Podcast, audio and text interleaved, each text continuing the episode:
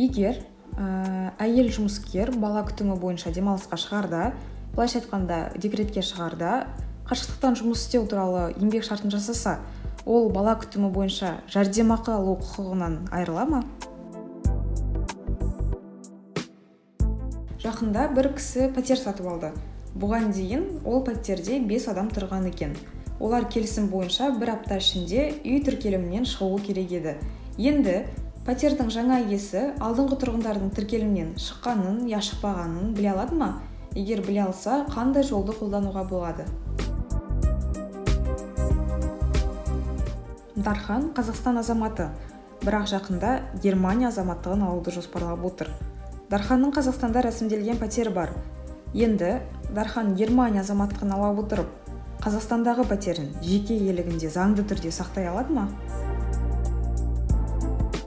Барлықтарыңызға сәлем. Ә, зырайт подкастына қош келдіңіздер сіздермен бірге әрине назерке қайратқызы бұл эпизодымыз әдеттегідей ә, құқық тақырыбы бойынша болады бірақ бүгінгі эпизодымыз алдыңғы эпизод форматтарынан өзгеше болмақ.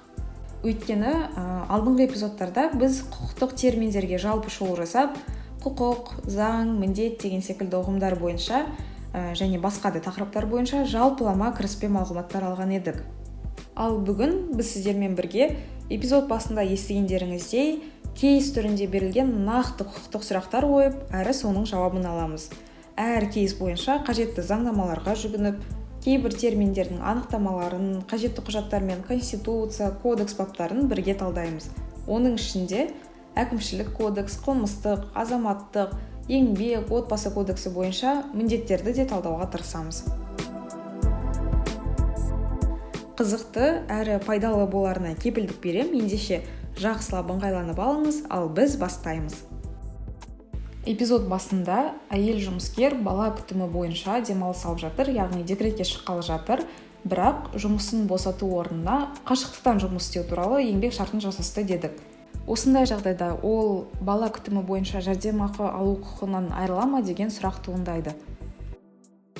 Негізінде ә, бала бір жасқа толғанға дейін оның күтіміне байланысты тағайындалатын ай сайынғы мемлекеттік жәрдемақыны төлеу тәртібі балалы отбасыларға берілетін мемлекеттік жәрдемақылар туралы жеке заңмен реттеледі.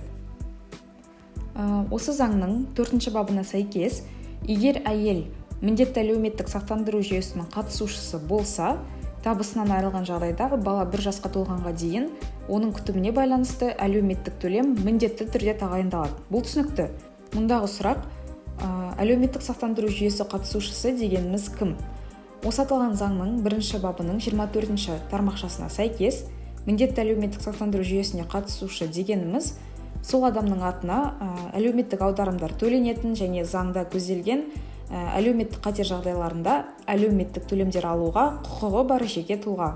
Бұны енді адам тіліне аударатын болсақ егер сіздің атыңызға жұмыс берушіңіз еңбек шартында көрсетілгендей әлеуметтік төлемдер аударып отырған болса сіз міндетті әлеуметтік сақтандыру жүйесінің қатысушысы ретінде декретке шығуыңызға байланысты әлеуметтік төлем алуға толықтай құқылысыз деген сөз.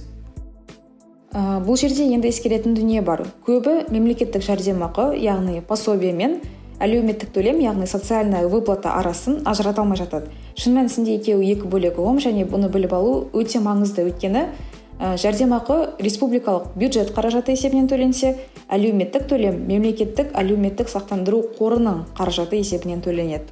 Демек ә, әйел адам егер жұмыс басты болмаса бұндай жағдайда да оған республика бюджетінен міндетті жәрдемақы төленеді. Ал әлеуметтік төлем жаңа айтқанымдай еңбек шарты бойынша сақтандыру жүйесіне қатысушысы болған жағдайда төленеді.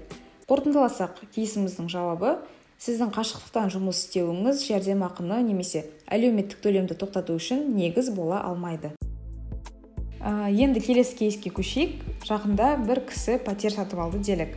Бұған дейін ол пәтерде бес адам тұрған екен және олар келісім бойынша бір апта ішінде үй тіркелімінен яғни пропискадан шығуы керек еді. Енді пәтердің жаңа иесі алдыңғы тұрғындардың тіркелімнен шыққанын я шықпағанын біле алады ма? Егер біле алса қандай жолмен біле алады?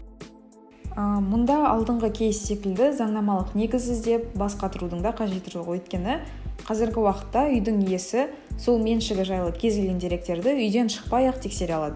Мысалы ә, біздің кейс жағдайында мекен жайы бойынша пәтерде кім тіркелгенін ресми түрде пәтердің жаңа иесі ретінде еш қиындықсыз тексеріп көре аласыз. Бұл үшін тіпті халыққа қызмет көрсету орталығына да барудың қажеті жоқ. Үйден ақ бар болғаны телеграм бот немесе электрондық үкімет порталы арқылы біле аласыз. Келесі кейс бойынша дархан есімді қазақстан азаматы жақында германия азаматтығын алуды жоспарлап отыр екен. Бірақ дарханның қазақстанда рәсімделген пәтері бар. Енді дархан германия азаматтығын ала отырып қазақстандағы пәтерін жеке иелігінде заңды түрде сақтай алады ма деген сұрақ туындайды. Ә, бұл сұрақтың жауабын іздеу үшін біз шетелдіктердің құқықтық жағдайы туралы заңға жүгінеміз. Осы заңның тоғызыншы бабына сәйкес қазақстан республикасында тұрақты тұратын шетелдіктер тұрғын үй мәселелерінде қазақстан республикасының өз азаматтарымен бірдей құқықтарға да бірдей міндеттерге де ие.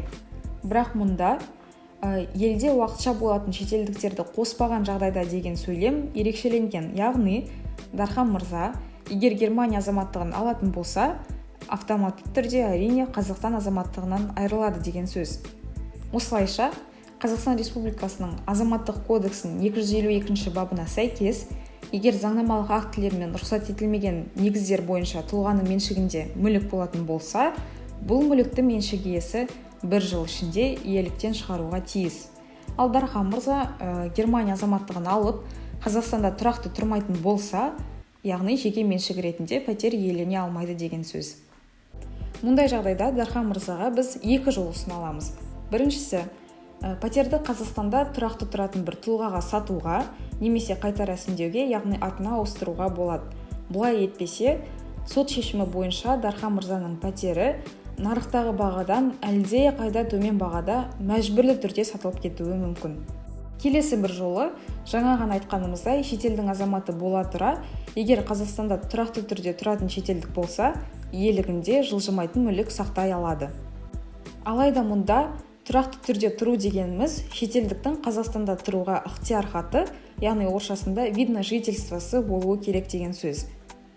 Демек ә, егер дархан мырза азаматтығынан айырылған сәттен бастап бір жыл ішінде шетелдіктің қазақстанда тұруға ықтияр хатын рәсімдесе пәтерді сату немесе қайта рәсімдеу қажеттілігі де өздігінен жоғалады.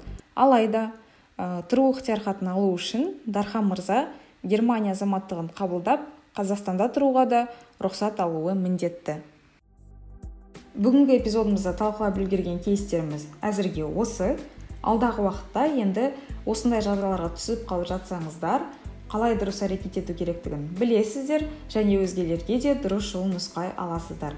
Егер қызықты болса пікірлеріңіз болса міндетті түрде комментарий қалдырып кетіңіздер. Сонымен қатар өздеріңізде кейстер ұсынғыларыңыз келсе оны да комментарийде міндетті түрде жазып қойыңыздар. Сол кейстерді келесі эпизодтарда бірге талдаймыз. Ал біз әдеттегідей сүйікті сөзімізбен аяқтаймыз. Өз құқығыңыздың құндылығын біліңіз азамат.